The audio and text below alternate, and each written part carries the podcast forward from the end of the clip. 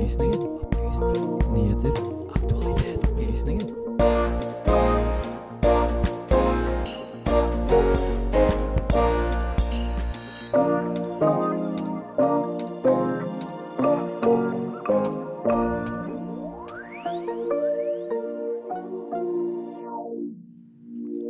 Nord-Korea avfyrte missil over det nordlige Japan. Hvorfor tester Kim Jong-un grensene nå?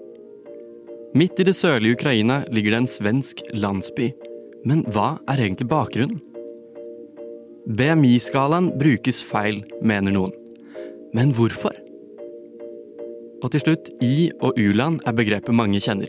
Men hva ligger egentlig bak dem?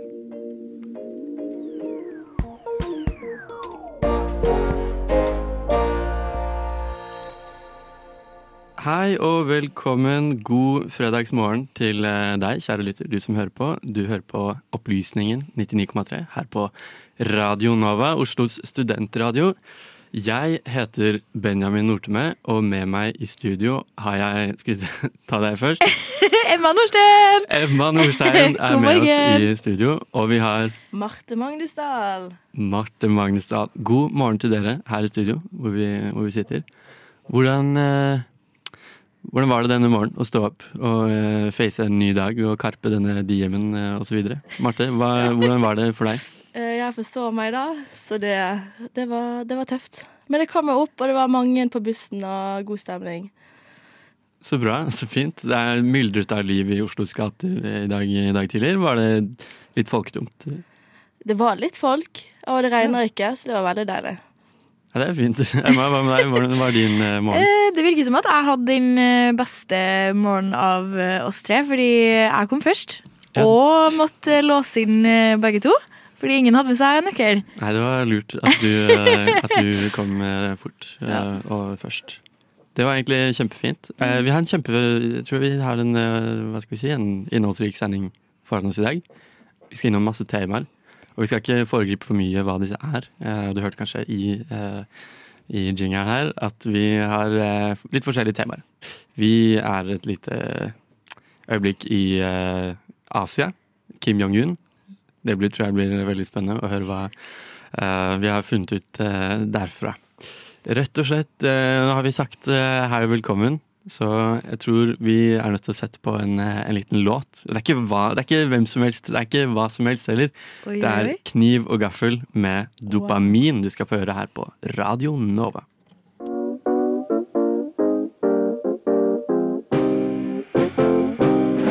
Du hører på Radio Novas samfunns- og aktualitetsmagasin Opplysningen. Hver fredag fra klokken 10 til 11 på Radio Nova. Opplysningen på Radio Nova.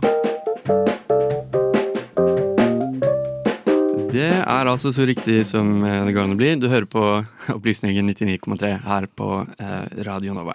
Og vi, eh, som sagt, som nevnt tidligere, vi skal en tur til Asia. Om ikke fysisk, i hvert fall figurativt. Vi skal til Nord-Korea. Det som ofte omtegnes som The Hermit Kingdom. Har du hørt begrepet, Marte? Nei, det har jeg ikke, så gleder meg til å lære mer om det. Ja, eh, jeg kan eh, røpe at eh, det kalles The Hermit Kingdom fordi det er et litt sånn av Litt sånn Et ganske lukket land. Nord-Korea er kanskje et av de mindre besøkte land i verden. Et av de mindre, hva skal vi si mm, Diplomatisk vennlig inclined land i verden. Uh, og hvis jeg får spørre dere, hvem er det som er lederen i Nord-Korea? Det er kanskje noe man vet, uh, Emma? Det er vel eh, gode gamle Kim Jong-un.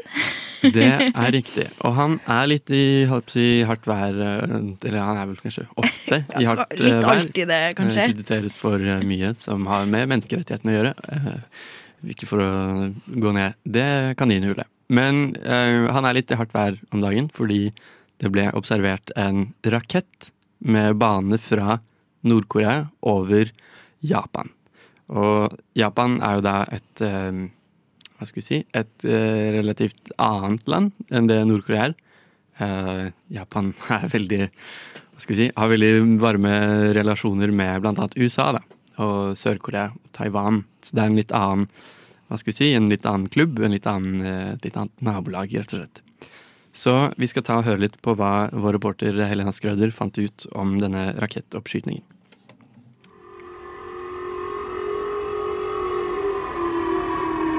国民保護に関する情報です。先ほど北朝鮮から発射された Tirsdag 4. oktober testavfyrte Nord-Korea et ballistisk missil over Japan som landet i Stillehavet. Dette er første gang på fem år at de har skutt opp et missil over Japan, og aldri før har Nord-Korea klart å skyte et missil så langt vekk i Stillehavet. På under tre uker har Nord-Korea klart å fyre opp over ni missiler.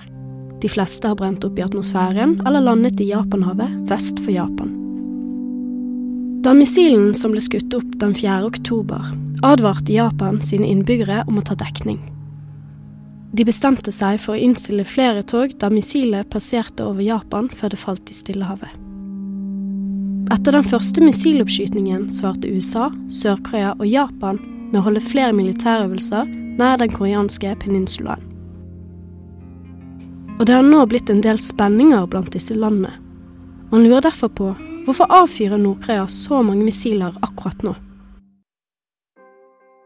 En av grunnene kan være at nå som Vesten er opptatt av krigen i Ukraina og fokuserer på den, kan Kim Jong-un føle at tiden er inne for disse missiltestene. Nord-Korea vil også kanskje vise at de prøver å være en militærmakt. En annen grunn er at Nord-Korea sier at deres nylige rakettoppskytninger har vært et forsøk på en simulering av et atomangrep. Statlige medier fra Nord-Korea har også sagt at disse missilene er designet for å bære taktiske atomvåpen. Dette har ført til bekymring i nabolandet, ettersom man antyder at Nord-Korea forbereder seg for å gjennomføre sin første atomvåpentest på fem år. Sør-Koreas president Yoon Suk-yeol kom med en uttalelse om at Nord-Korea ikke har noe å tjene på å bruke atomvåpen. Uttalelsen var som følger. Nord-Korea viser fram sin kjernefysiske utvikling, og truer ikke bare republikken Korea, men hele verden. I Nord-Korea har det også gått en enorm pengebruk til disse oppskytningene, mens befolkningen i landet er rammet av en sultkatastrofe. Sør-Korea har sagt at de kan hjelpe Nord-Korea økonomisk hvis de trapper ned på disse rakettoppskytningene. Så får vi se om Nord-Korea takker ja til denne forespørselen eller ikke. Slik situasjonen er i verden akkurat nå, kan det virke som at Nord-Korea truer ikke bare sine naboland, men også verden. Ettersom det også trues med atomvåpen i krigen i Ukraina, er verden redd for mer eskalering. Folk er redde for at det kan bli utlyst en atomkrig, og det som Nord-Korea gjør nå, er bare med å fremme denne frykten. Vi får vente og se om Nord-Korea faktisk vil gjennomføre denne atomvåpentesten, eller om de vil høre på Sør-Korea sitt forespørsel om økonomisk hjelp, slik at de kan hjelpe sitt eget folk heller enn å skremme andre land. Ja, og reporter i denne saken var eh, Helena Skrøder.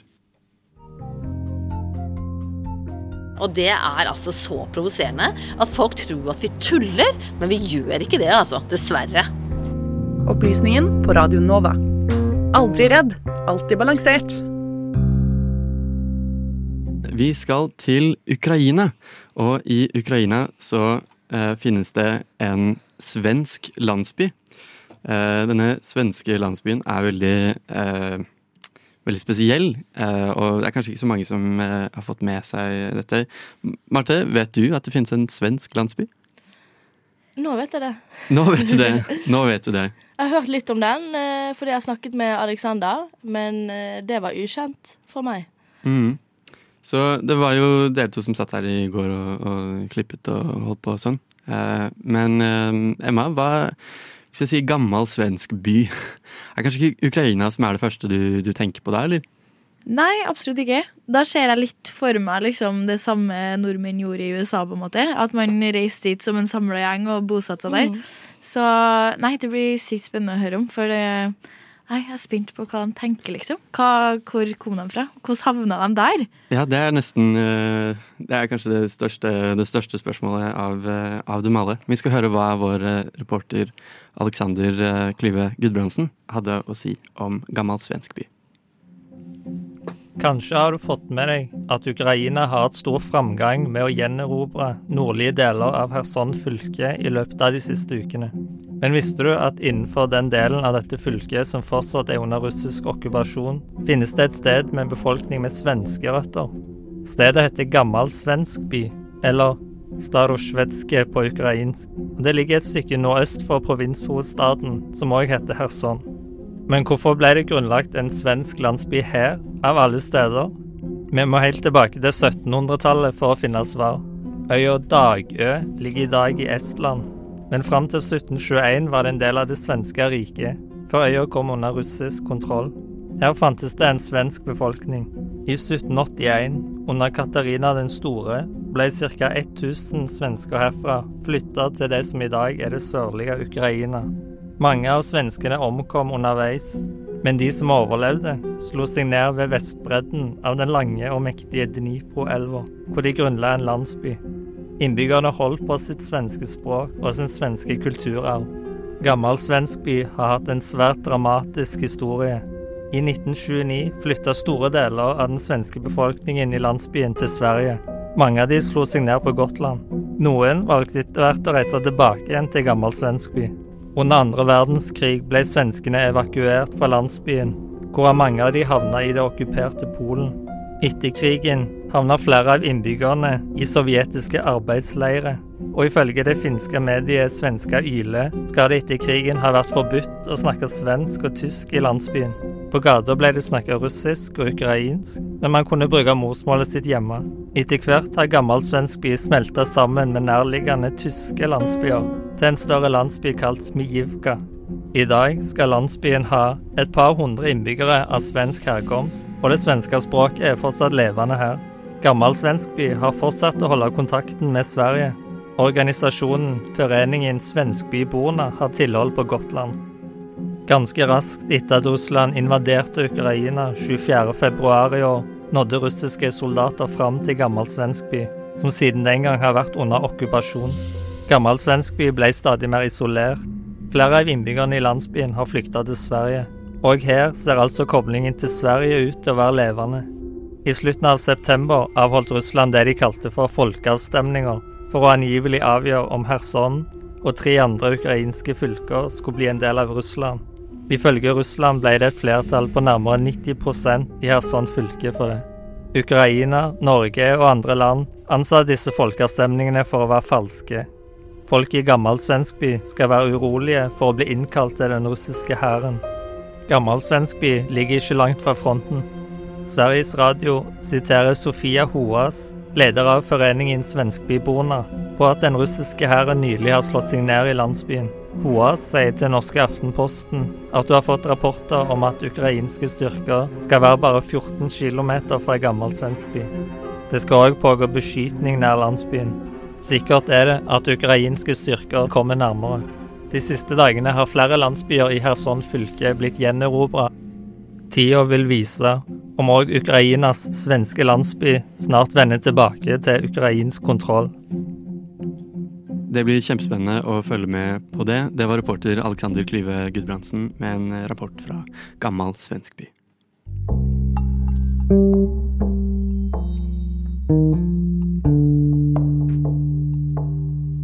And this is insane. I've never seen this in any other country. Never in my life. People eating from the trash, fighting about it. Eh, Når så mange er ensomme, så ligger jo på en måte ikke dette på, på individet lenger. Det ligger på systemet. Vi er i ferd med å ødelegge evnen vår eh, permanent kognitivt i hjernen til å konsentrere oss over lengre tid. Radio Novas samfunns- og aktualitetsmagasin gir deg historiene, sakene og debattene andre overser. Aldri redd, alltid balansert. Opplysningen 99,3. Det stemmer, det stemmer. Du hører fortsatt på Opplysningen 99,3 her på eh, Radio Nova. Vi skal inn i ny, ny materie. Vi skal snakke litt om BMI. Eh, BMI er kanskje noe mange har, en, har et forhold til. Eh, jeg gjorde et kjapt søk her på telefonen. tastet inn BMI og fikk opp ganske mange forskjellige ulike BMI-kalkulatorer osv. Men utover det er det kanskje ikke så mange som vet opphavet, kjenner til det særlig godt. Jeg er ikke helt fortrolig med hvor dette kom fra, og hva, hva, hva det egentlig skal brukes til. Eh, Marte, hva tenker du når du hører BMI? Er det liksom BMI-kalkulator og VG du Liksom forsiden på VG som faller i tankene, eller hva, ja, hva tenker du? Altså, jeg vet at det er en gammel teori eller utregning, eh, jeg tror han er over 100 år gammel, som ikke var ment å bruke skulle brukt på individnivå, men for en hel befolkning. Og siden han er såpass gammel, så tror jeg han heller ikke passer inn i dagens samfunn. Men eh, det blir spennende å høre. Ja, nei, Det er kanskje litt, eh, litt merkelig at vi, at vi ikke har så god uh, kål, eller peiling. Vi, ja, vi sivile, vi, vi vanlige, vanlige mennesker. Man må rett og slett være litt ekspert for å skjønne hva, hva, hva BMI er for noe. Eh, Body Mass Index, som det da eh, skal eh, stå for. Du får høre nå Runa Årskog, som har tatt en nærmere titt på BMI-skalaens historie. Følg med. Du har sikkert hørt om BMI, eller Body Mass Index. Skalaen som sier noe om du er overvektig eller ikke. For noen er det nok en forsikring om at man er sunn og normalvektig. Mens for andre er den et mareritt. En skala som gjør at man enkelt hopper på en ny slanketrend, bare for å se tallet 25 dukke opp på skjermen når man utregner sin egen BMI. Men hva er egentlig denne magiske skalaen som forteller deg om du er tjukk eller ikke? Hvor kommer den fra? Dette er historien om BMI-skalaen. Vi er tilbake i 1796 i Belgia, eller Den franske republikk som det var den gangen. Her i byen Gent ble en liten gutt født ved navn Lambert Adolf Jacques Ketelet. Han skulle senere bli kjent som BMI-skalaens far. Ketelet var tidlig en akademisk mann, og allerede som 25-åring hadde han en doktorgrad i matematikk. Han jobbet hardt og bredt for et internasjonalt samarbeid mellom universiteter, og gjennom sitt liv grunnla han diverse internasjonale statistiske organisasjoner og tidsskrifter. Ketelett var ikke bare matematiker, men astronom, statistiker og sosiolog. Hans entusiasme for statistikk og matematikk førte han etter hvert videre til ideen om målene på det perfekte mennesket.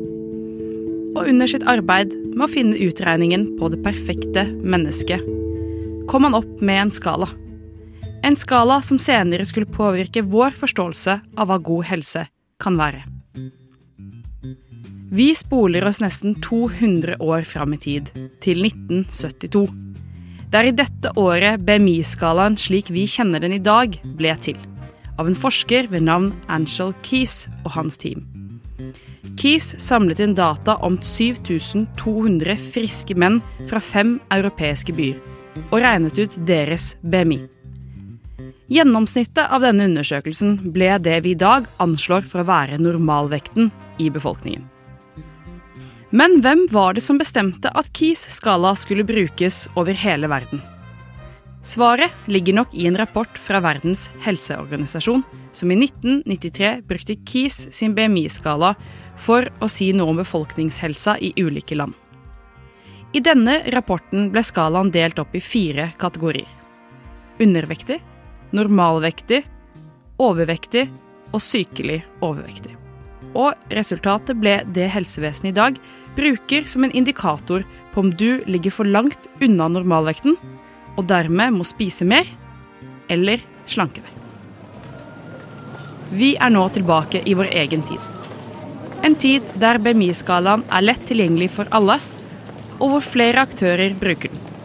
Fra treningsstudioer og influensere som vil selge deg den beste dietten og treningsprogrammet, til helsevesenet som skal hjelpe deg med å oppnå en sunn og frisk kropp.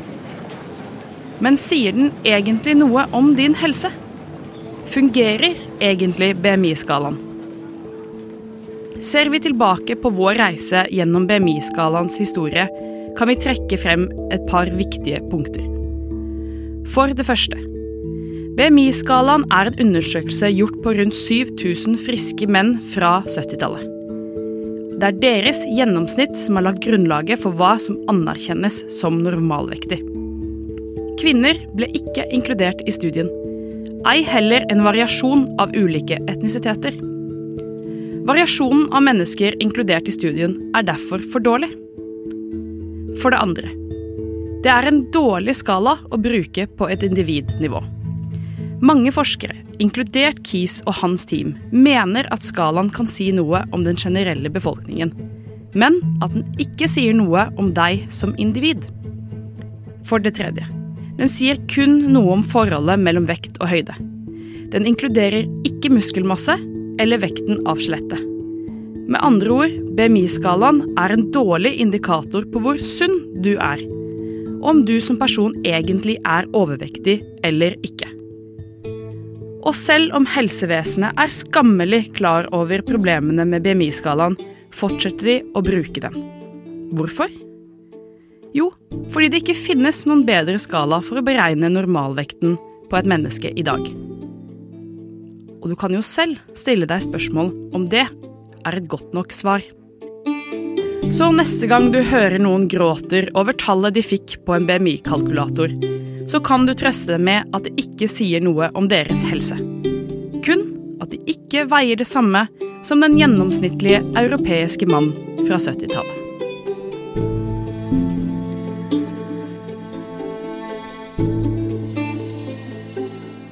Ja, og stor takk til eh, Rune Aurskog, som eh, ga oss en liten innføring der i hva BMI-skalaen eh, egentlig er ment for.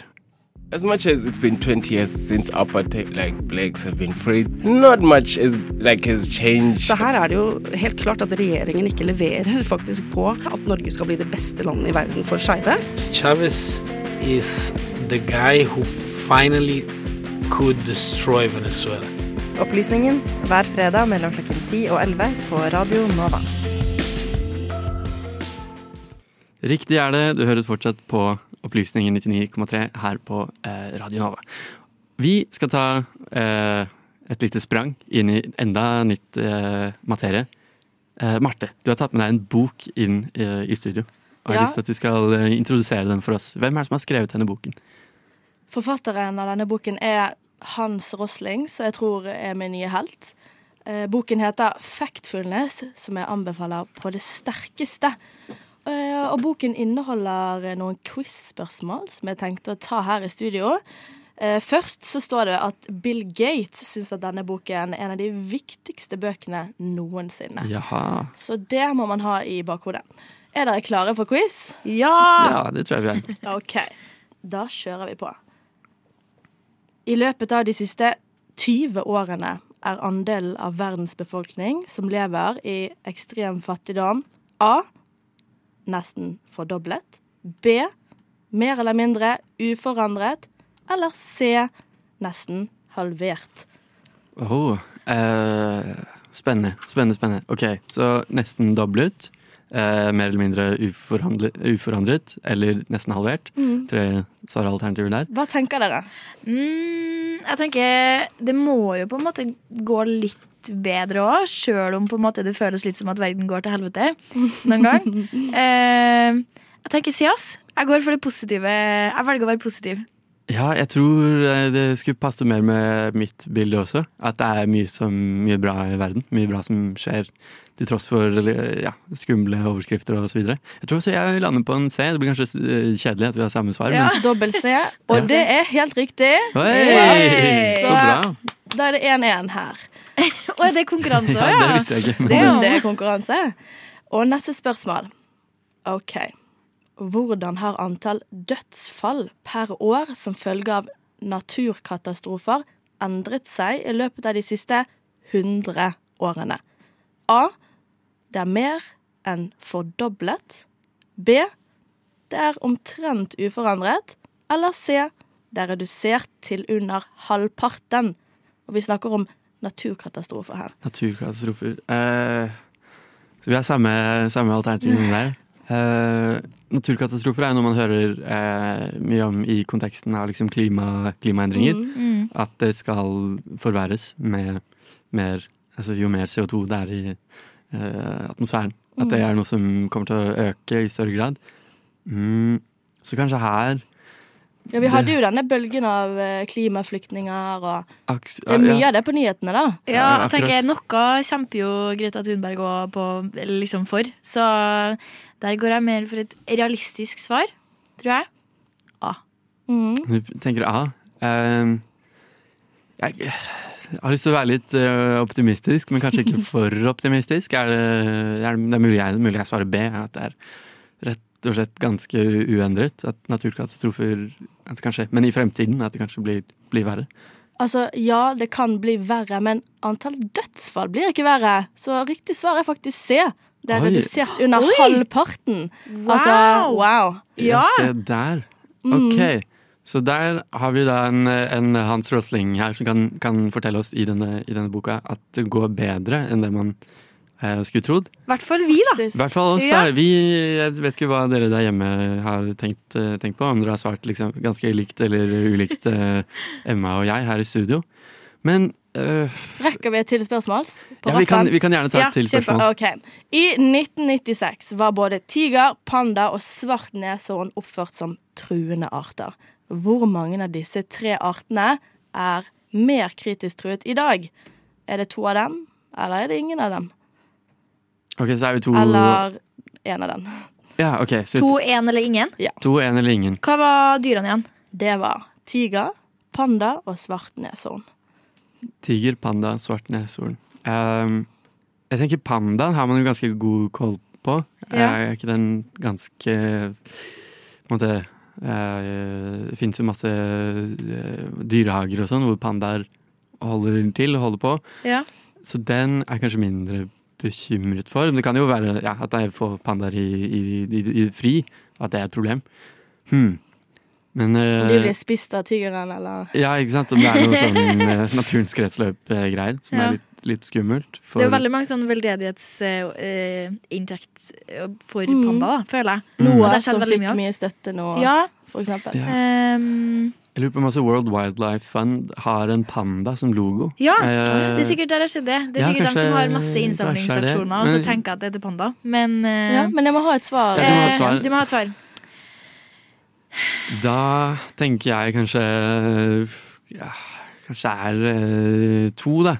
Kanskje tigeren og de svarte neshornene ikke er så godt uh, beskyttet. De har ikke lo sin eh, logo noe sted. Ja. Jeg tar eh, Bare for konkurransen sin del, så tar jeg én av dem. Ja, okay. Gjør det litt spennende. Marte, fortell. eh, Who's the winner? Riktig svar er at ingen av dem. Ai, ai, ai. Yes. Ja, og det er jo litt Ikke sykt. neshorn heller? Ingen Nok av de. En gang. Wow. Og i spørsmålet så sto jo det i 1996. Altså, det er Mm. veldig store endringer som har skjedd siden den tid. Ja, ja, ja.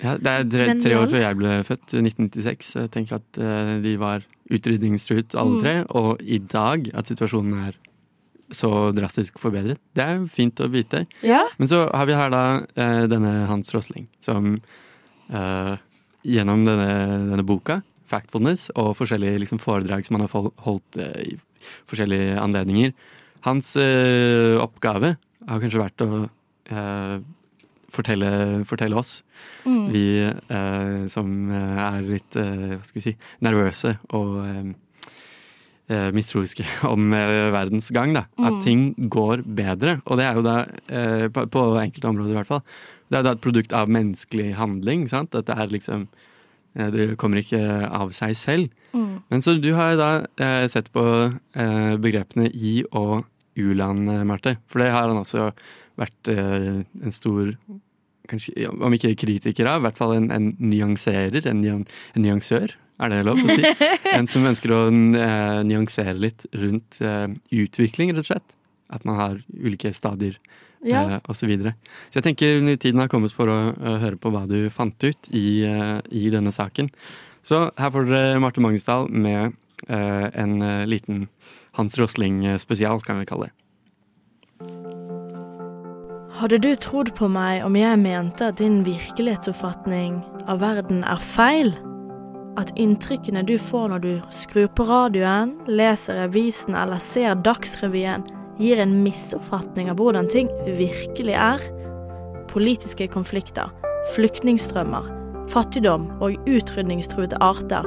Et nokså negativt nyhetsbilde. Alt blir bare verre og verre. Men ikke alle er enig i at verdenssamfunnet er nyansert nok. En av dem er avdøde svenske professoren i verdenshelse, Hans Rosling. Professoren mener rett og slett at vi har en feil oppfatning av virkeligheten. Rosling har gjort undersøkelser av mennesker fra mange ulike land med forskjellig utdanningsbakgrunn. Og alle hadde inntrykket av at verdensbildet er verre enn virkeligheten. En av faktorene som Rosling trekker frem, som svekker vår virkelighetsoppfatning, er den klassiske i-land-u-land-skillelinjen. På den ene siden de industrialiserte, sterkt økonomiske statene, som USA og store deler av Vesten, mens på den andre siden utviklingslandet, også kalt den tredje verden. U-land-kategorien besto av 125 land, bl.a. India, Bangladesh og Kina. Landet er fattige, kvinner føder i gjennomsnitt fem barn, og det er større sannsynlighet for at noen av dem dør. Det høres jo ganske oversiktlig ut, gjør det ikke? To separate grupper med ganske forskjellige forutsetninger. Hvorfor skal vi stille spørsmål ved dette? Du hørte kanskje at jeg sa det i fortidsform? U-land-kategorien besto av 125 land. Det er absolutt ikke tilfellet lenger. Denne inndelingen er fra 1965, samme år som Einar Gerhardsen gikk av som statsminister og Winston Churchill døde. Det begynner å bli en stund siden. Men er du enda ikke overbevist? Ok, hva tror du er forventet levealder på verdensbasis i dag? 50 år? Kanskje 60 år? Riktig svar er faktisk 70 helt nøyaktig 72 år. Andre overbevisende tall er at antall underernærte siden 1970 er mer enn halvert globalt. India, Vietnam og Kina, som i 1965 ble omtalt som u-land, har i dag svært lav barnedødelighet, få barn per kvinne og har en voksende økonomi. Og flere har råd til ferie. Med andre ord, etter 1965-standard kan de kategoriseres som i-land. Og det er de ikke alene om. Hele 85% av verdensbefolkningen er innenfor i-landskategorien i dag. Store endringer har skjedd globalt. Verden er ikke lenger den samme, mens verdensbildet har ikke endret seg på nesten 60 år. Sannheten er at majoriteten av landet i verden befinner seg i midten, imellom gapet av i-land og u-land. Du lurer kanskje på hva som skal erstatte disse begrepene, for fattigdom eksisteres fremdeles, bare ikke like stor grad. Professor Rosling har derfor delt inn verdenslandet i fire ulike inntektsnivåer. Se for deg at du og familien din på syv må gå to timer hver eneste dag for å hente skittent vann. Du spiser samme grøt hver dag, og det eneste som kan redde deg ut av elendighetene, er om de usikre avlingene dine er gode noen år fremover. Det er stor sannsynlighet for at et av barna dør, for det er ingen leger i landsbyen. Uansett så er det dyrt med legebesøk, så det har du ikke råd til. Du er heldig med de gode avlingene, og du har råd til å kjøpe deg en sykkel. Med sykkel beveger du deg til nivå to. Gasskomfyren sørger for at barna ikke bruker timer på å lete etter ved, nå kan de gå på skole fordi du har råd til lyspærer så barna kan gjøre lekser. Strømmen er for svak til å ha kjøleskap, men med noen høner så har du et rikere kosthold. Neste mål er å få jobb i byen, men det er et stykke dit, så da trenger du en motorsykkel. Fantastisk! Du har nå spart alle dine penger til motorsykkel, og befinner deg på nivå tre. Ikke lenge etter har du vannkran, så da sparer du masse tid. Du kan endelig oppbevare mat i kjøleskapet. Men for å finansiere det hele jobber du opptil 16 timer. Barna har blitt syke og trenger antibiotika for å overleve. Heldigvis har du råd til å betale, så du faller ikke ned til nivå 2. Du ønsker å investere i barna sin utdanning, så de har muligheten til å rykke opp til nivå 4, hvor ingen i familien noen gang har vært eldstedatter kommer inn på universitetet, så dere alle feirer med kake og en tur til stranden. Du har nå kommet til nivå fire. Du har råd til å ta din etterlengtet ferie til Rådås, all inclusive hotell. Du tenker ikke over at vannet i springen er bare rent og varmt. Du som hører på nå, er nok fra nivå fire. Og vi legger ikke merke til forskjell mellom nivå 1 med 1 dollar per dag og de fra nivå 2 med 10 dollar. Nivå 1, 2 og 3 ser like ut. Men fra ståstedet til en som ikke har råd til en sykkel, er nivå 2 en tidobling i inntekt. Det er revolusjonerende forskjeller, og det viser også statistikken. Gjennomsnittlig utdanning øker. Jenter gifter seg ikke lenger i gjennomsnitt som tenåringer, men heller når de er mellom 20 og 30. Denne utviklingen skjer over lengre tid. En sosial mobilisering over generasjoner. Det som er felles med de gamle u-landene, som nå befinner seg på nivå to, tre og kanskje 4, er at barnefamiliene har i gjennomsnitt to barn. Altså to voksne og to barn. Dette er tilfellet i Brasil, Vietnam, India og til og med Bangladesh får kvinner i gjennomsnitt to barn. Dette er essensiell informasjon i politiske diskusjoner angående overbefolkning og hvor mange som kommer til å leve 100 år frem i tid. La oss høre hva Rosling har å si om dette. Seven billion people now live on this planet of ours. Isn't it beautiful? Men hva er egentlig problemet med å si u-land og i-land? Kan vi ikke bare fortsette med det? Nei, for at problemet med bruken av begrepene i-land og u-land, er at det legger seg et skille mellom oss og dem, en stereotypi. Dette kan gjøre det vanskelig å danne et internasjonalt samarbeid, fordi fordommer kan stå som hinder for gode løsninger. Ikke minst er det viktig å ha korrekt, riktig informasjon når man skal ta gode politiske beslutninger. Disse begrepene brukes fremdeles i politikken, debatter og ikke minst pensumbøker. Men ifølge Rosling kan vi ikke lenger skille Vesten mot resten. Rosling trekker faktisk fram at i år 2040 vil 60% av mennesker i nivå 4 leve utenfor Vesten. Samfunnsutfordringer skal tas på alvor, men det er viktig å huske at fellesskapet faktisk har fått til forbedringer Endringene som har blitt gjort, investering i utdanning, fokus på dyrehelse, vaksinasjon av malaria, er noen av faktorene som har dyttet utviklingen i riktig retning. Utviklingen går bedre enn det man har fått inntrykk av. Ja, stor takk til eh, Marte Magnusdal Magnus der, med en uh, liten Hans uh, Rosling spesial, rett og slett.